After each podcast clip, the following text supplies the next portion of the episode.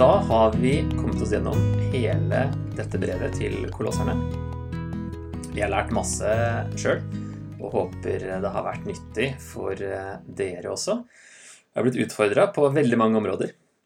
Um, så det har vært veldig eh, lærerikt og nyttig for min egen del òg. Så siste delen i dag eh, er altså kapittel 4, vers 2-18, og da skal vi se på både hvordan Paulus oppsummerer brevet, det kan jo være nyttig etter å ha holdt på med det i så mange uker, og også er det en avslutning da på, på brevet. Og de eh, versene her blir ganske naturlig oppdelt i to. De første fem versene kan vi da kalle en oppsummering, og resten fra vers sju og ut er hilsener til kolosserne, og da en avslutning, da. Så vi kommer til å konsentrere oss mest om eh, den første delen, altså oppsummeringa av brevet, hvor Paulus da samler trådene etter eh, alt, altså fra alt han har skrevet til nå, og gir dem noen avsluttende praktiske råd.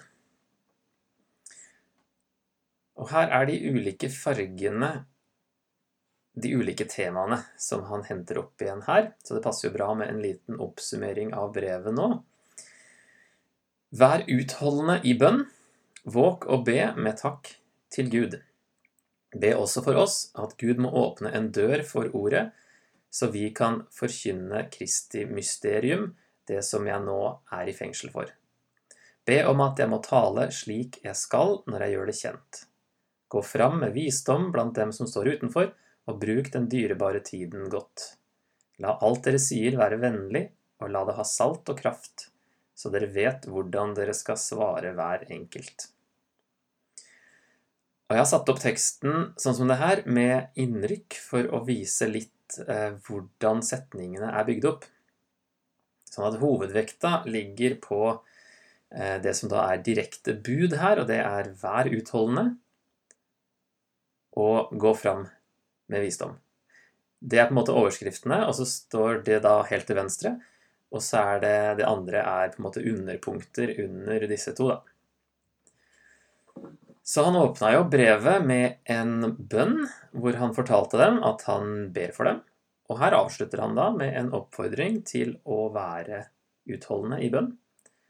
Å være våkne i bønn, og, og be for Paulus også, da, sånn som han ber for dem. Og når de ber, så må de også huske på å takke. Og det har vi jo sett har dukket opp i alle de andre kapitlene.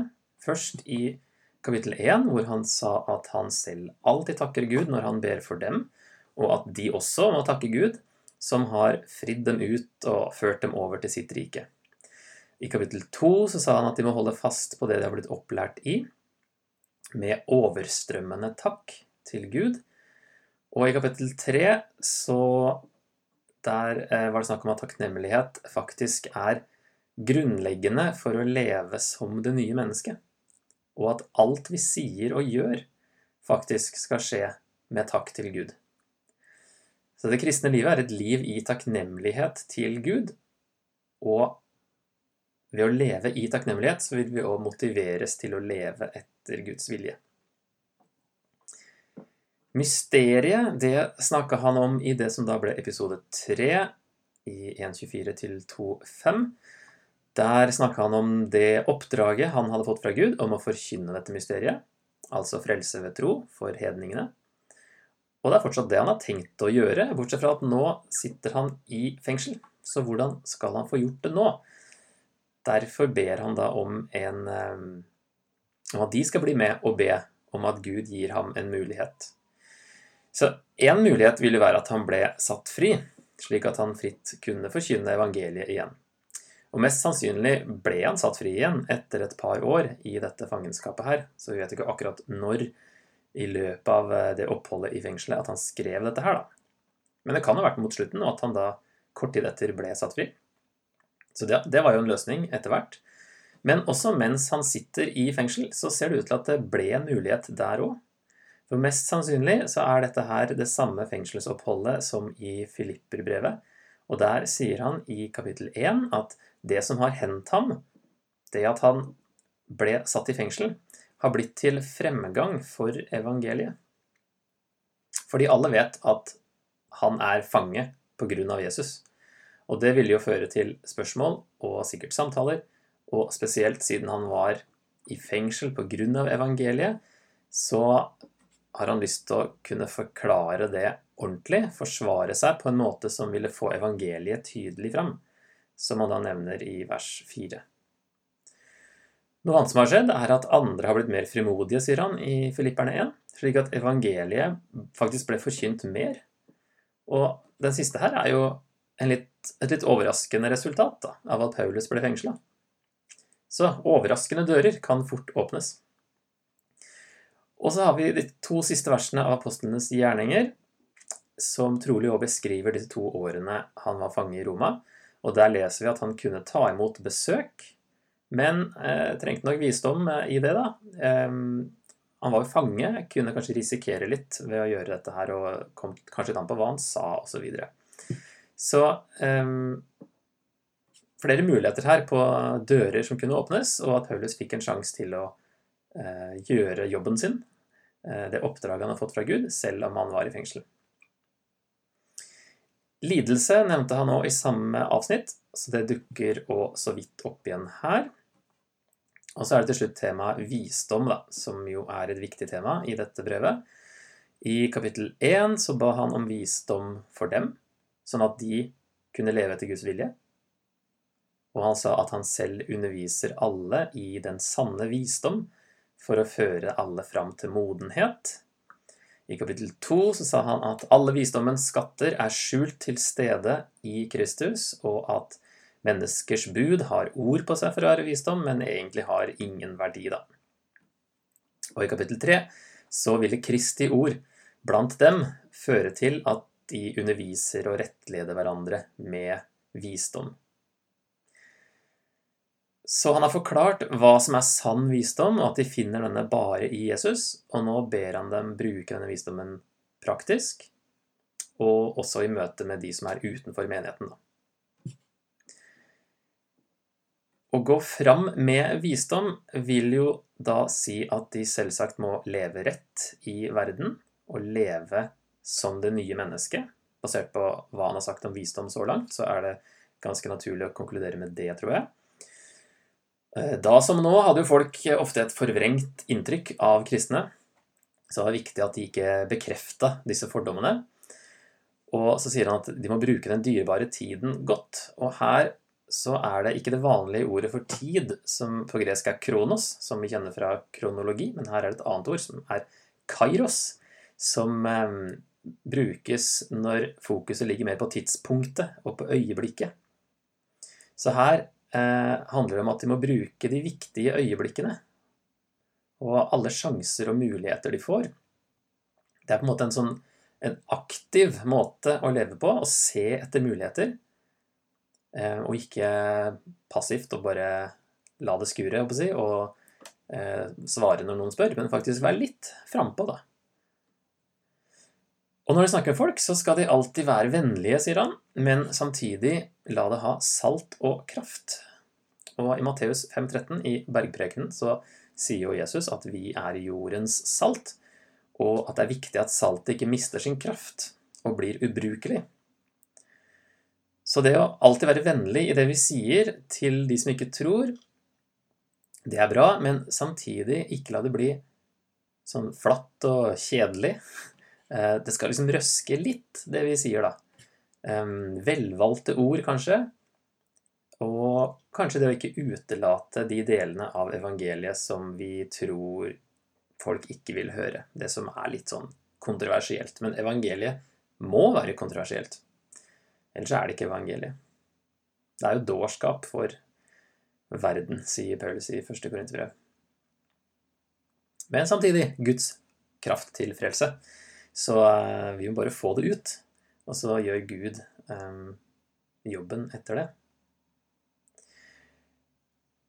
Så kanskje det å ikke holde tilbake sannheten, selv om vi er vennlige, men si sannheten på en vennlig måte. Og så er det ikke helt tydelig hvordan Paulus tenker at dette vil hjelpe dem til um, å vite hvordan de skal svare hver enkelt. Men det er iallfall viktig at de selv fatter Guds mysterium, som er Kristus, som han sa i 2.2, sånn at de kan svare på spørsmål fra de som er utenfor. Og likevel gjøre som Paulus, da, be om at de skal få til å si det på rett måte. Tale slik jeg skal, som han sier i vers 4. Eh, for det er ikke alltid lett, selv om du vet det, så er det langt ifra lett å få sagt det på riktig måte hver gang. Og det må jo òg tilpasses de personene man snakker med. Og der trenger vi eh, Guds hjelp og Guds visdom da, til å få forklart evangeliet eh, på best måte. Så det var de første fem versene som eh, blir viktigst her. Og så skal vi bare lese gjennom og snakke litt om de siste, fra vers 7, altså. Eh, her nevnes flere enkeltpersoner som jeg da har eh, utheva, som han hilser ifra, eller sier noe annet om. Jeg leser først fra om Tykikos her, i vers 7 og 8. Tykikos skal fortelle dere alt om hvordan jeg har det. Han er en kjær bror og trofast tjener og medarbeider i Herren. Jeg sender ham til dere for at dere skal få høre hvordan det er med oss, og for at han skal gi dere trøst i hjertet. Og han, Tykikos han er nok postmannen for brevet, og han har nok samtidig med seg brevet til efeserne og til Filemon, og kanskje også brevet til Laudikea, som vi leser om lenger ned.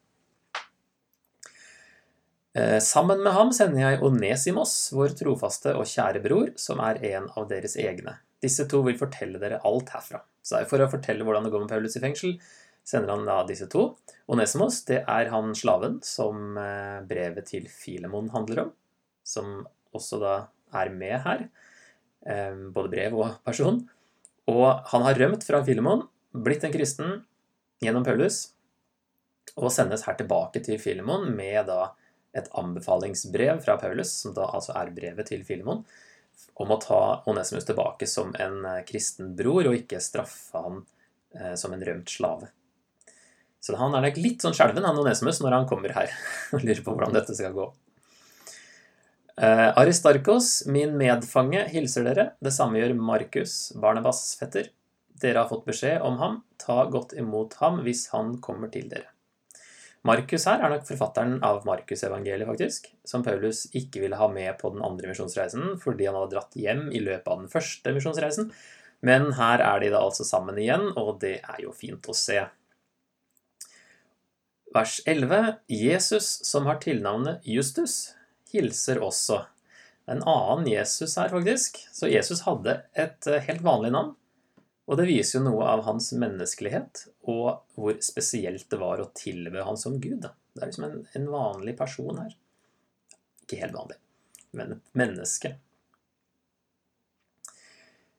Eh, så sier han at eh, disse tre er de eneste omskårne som arbeider sammen med meg for Guds rike. De har vært til stor trøst for meg. Så eh, Aristarkos, Markus og Jesus Justus er da de eneste jødekristne som arbeidet sammen med Paulus. Epafras, som er en av deres egne, hilser også. Han er en Kristi Jesu tjener og kjemper alltid for dere i bønn. Han ber om at dere må bli stående fullkomne og fullt overbevist om hele Guds vilje. Jeg kan være vitne på at han strever og arbeider for dere og for dem som er i Laudikea og Hierapolis. Epafras han kjenner vi fra kapittel 1, som var den som tok evangeliet til kolosserne. Og han eh, ber om noe av det samme som Paulus gjorde da i kapittel 1. At de må eh, eh, bli stående fullkomne og fullt overbevist om hele Guds vilje. Vers 14. Lukas, vår kjære lege, hilser dere. Demas også. Her har vi vår Lukas, da, som skrev Lukas' evangeliet og apostlenes gjerninger, og faktisk skrevet mest av Det nye testamentet. Man teller antall ord. Han var lege, står det her, og han var en eh, hedningekristen, da, siden de tre jødekristne medarbeiderne allerede var nevnt. Så det kan vi i hvert fall få ut av det verset her. Eh, hils våre søsken i Laudikea og Nymfa og menigheten som samles i hennes hus. Når dette brevet er lest opp hos dere, så sørg for at det også blir lest opp i menigheten i Laudikea, og at brevet fra Laudikea også blir lest opp hos dere. Så her ser vi at det var vanlig å lese opp brevene i menigheten, og at Paulus ville at brevene hans skulle leses av andre menigheter også. Spesielt i denne situasjonen, kanskje, når det var trolig noe av de samme problemene i de andre nabobyene rundt. Og da kunne nok laudikerne ha nytte av å lese Kolossbrevet, og motsatt også. Og vi har også hatt veldig nytte av å lese Kolossebrevet. Så Paulus ville at det skulle sirkuleres, selv om det var skrevet eh, opprinnelig til en spesiell menighet. Da. Og det viser òg at ikke alle Paulus-brevene har blitt bevart, for vi har jo nok ikke det her brevet til laudikerne, selv om noen mener at det kanskje er brevet til efeserne, fordi der mangler det til Efesus, mangler i noen av de eldste håndskriftene, så det virker som et sånt mer sånn sirkulært eh, brev, da. Men, og, som lå også i nærheten, altså Efesus og alle de byene lå i samme område her. Men vi vet i hvert fall at eh, Paulus refererer til noen brev til korinterne som vi ikke har. Han nevner et brev før første korinterbrev, eh, hvert fall, og kanskje et imellom første og andre som vi har. da.